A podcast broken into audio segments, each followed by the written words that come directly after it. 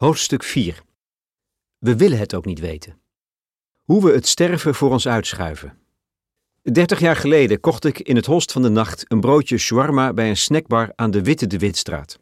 In onze flat in het stadshart van Rotterdam trok ik er tsjish, een flesje bier bij open.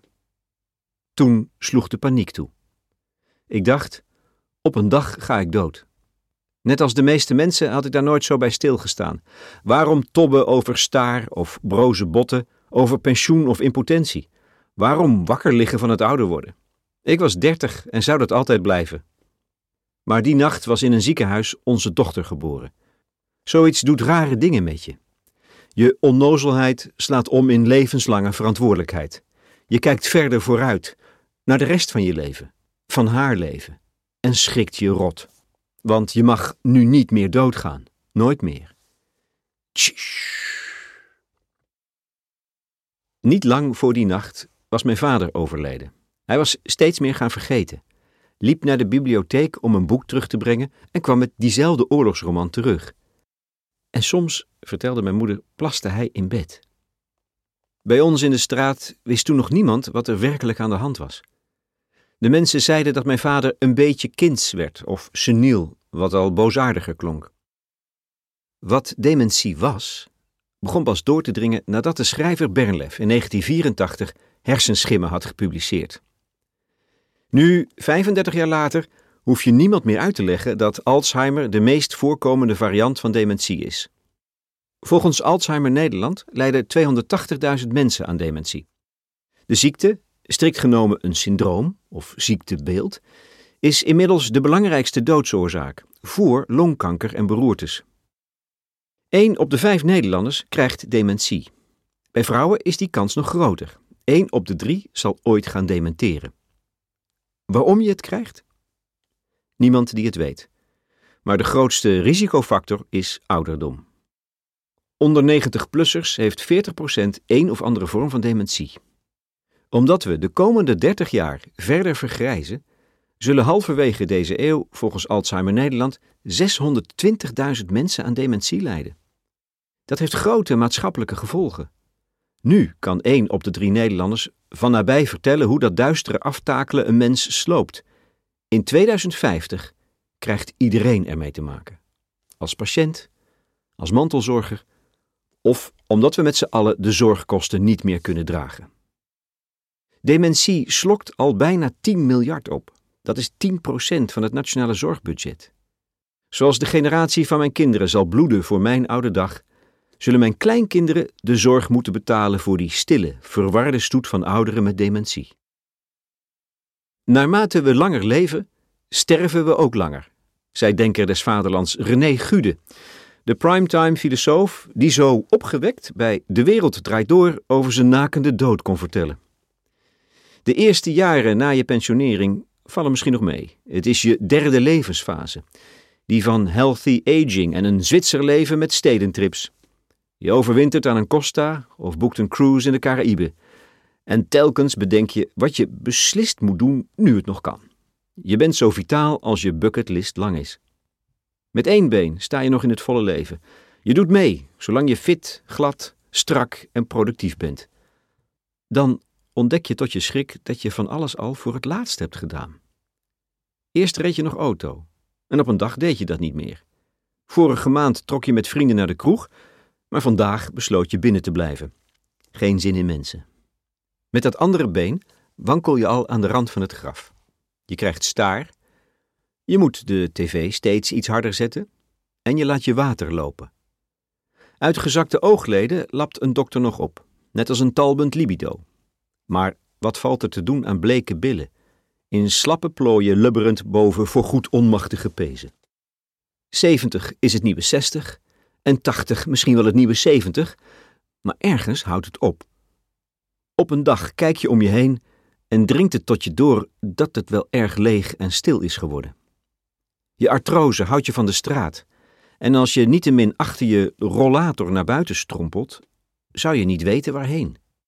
Wie zit er nog op je te wachten? Iedereen wil honderd worden, luidt het cliché. Maar niemand wil het zijn. Totdat de burgemeester, komt hij nog bij honderd? Of ligt de lat al op 110? Een bloemetje langsbrengt omdat je de eeuw volgemaakt hebt. Een lang en rijk leven gehad, ja. Beetje alleenig. Tikje blind ook, maar gelukkig nog helder van geest. Of je ook 110 wilt worden, vragen ze dan. En zou 120 niet prachtig zijn? Ergens las ik dat we straks allemaal 150 kunnen worden.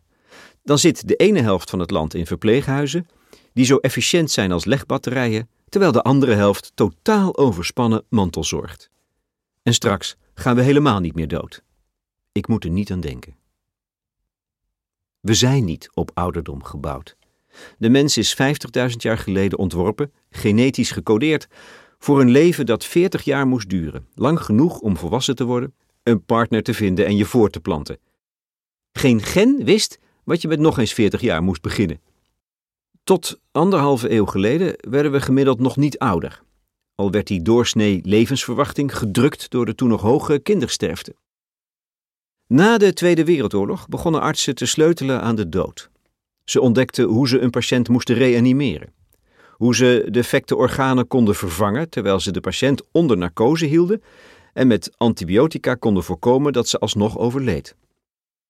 Steeds verder stelde de medische wetenschap het sterven uit. En nu worden we gemiddeld 80. Geloven we dat 100 haalbaar is? En neemt Google een uitvinder en futuroloog als Ray Kurzweil in dienst?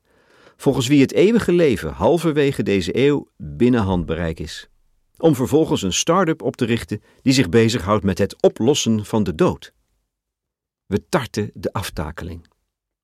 Een hand of arm vervangen we door een slimme robot. Twee onderbenen door iets sferens van een superieure koolstofvezel uit IJsland. De prothesen waarop de Zuid-Afrikaanse hardloper Oscar Pistorius sprintte. Hart en longen zijn amper een grotere medische uitdaging dan een nieuwe heup of knie, en het kan niet al te lang meer duren voordat we alle organen en gewrichten uit een 3D-printer draaien. De geassembleerde mens, de Homo compositus, de mens die uit niets dan genummerde reserveonderdelen is opgebouwd. Op zijn hersenen na. Ongeneeslijke neurologische ziektes, als Alzheimer en Parkinson, zijn de prijs die we betalen voor onze diep menselijke drift de eindigheid van het bestaan te ontkennen. Hoe ouder we worden, hoe groter de kans op neurodegeneratie. Hersenen gaan nu eenmaal haperen.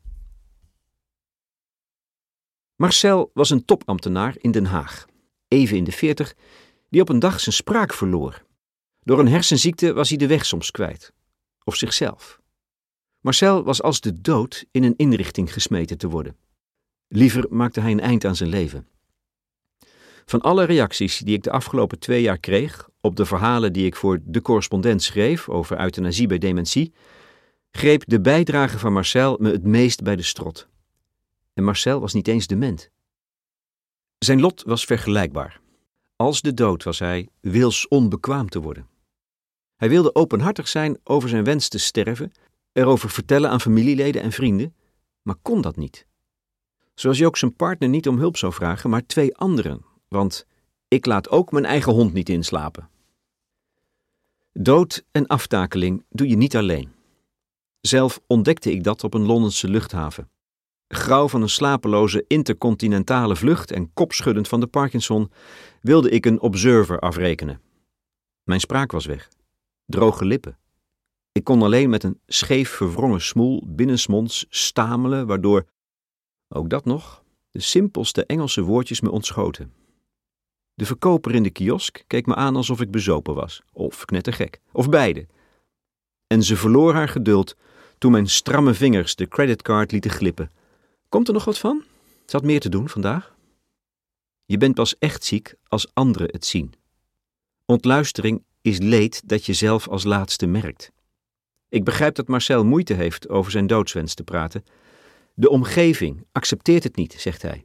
Veel te confronterend. Volgens het Rijksinstituut voor Volksgezondheid en Milieu, RIVM, waren er in 2016 254.000 mensen met dementie. Toch was bij slechts 155.000 patiënten de diagnose gesteld. Dat lijkt merkwaardig. Waar waren die andere 99.000 gebleven? Het RIVM baseerde zijn raming op internationaal onderzoek. Van die 254.000 trok het onderzoeksinstituut de bekende dementerende patiënten af, degene met een diagnose. Het verschil? De mensen met dementie die we niet kennen, die zelf niet eens beseffen dat ze ziek zijn, of het tegen beter weten in ontkennen. Menselijk, toch? Het zal je maar overkomen. Dementie begint haast onmerkbaar, zoals een muurtje scheef zakt.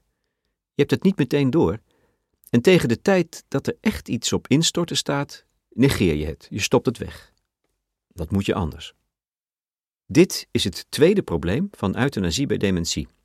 We denken er pas aan als het te laat is.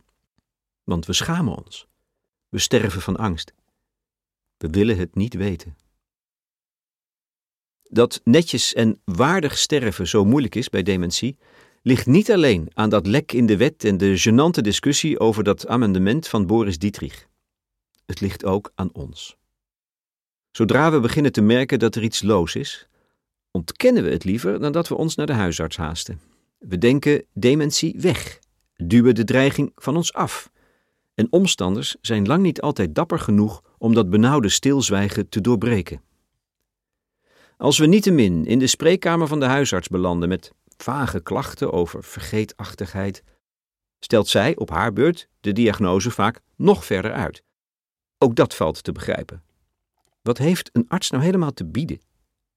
Zolang het niet meer is dan een vermoeden, houdt één op de twee artsen dat voor zich. En als het toch meer is dan een voorgevoel, begint nog steeds slechts één op de acht artsen over de mogelijkheid van euthanasie. Wat patiënten doen als de arts wel zegt waar het op staat? Zelfs dan vraagt die patiënt niet meteen naar de mogelijkheden van euthanasie. Hij gaat er maar al te vaak vanuit dat dat niet nodig is, omdat de familie wel weet hoe hij denkt over de dood. En anders sluit hij zich op het laatste moment aan bij de NVVE, als was dat lidmaatschap een tegoedbon voor een pijnloze, geheel ontzorgde en waardige dood. De meeste mensen willen helemaal niet nadenken over doodgaan. Bijna niemand maakt zich druk om de zorg die je straks nodig hebt. Geen 5% van alle volwassenen heeft zijn euthanasie geregeld, die formulieren en die vakjes ingevuld. Pas wanneer een naaste overlijdt door euthanasie of zelfdoding, realiseren we ons dat ook wij aan de beurt komen. En als we tenslotte eindelijk een diagnose hebben, vreet de ziekte ons laatste restje wanhopige vastberadenheid aan. Want niets is bij dementie zo bizar en zo verraderlijk.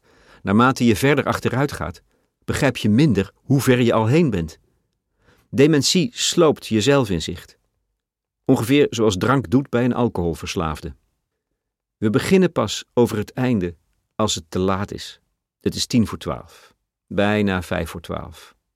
En voor je er erg in hebt, vijf over twaalf.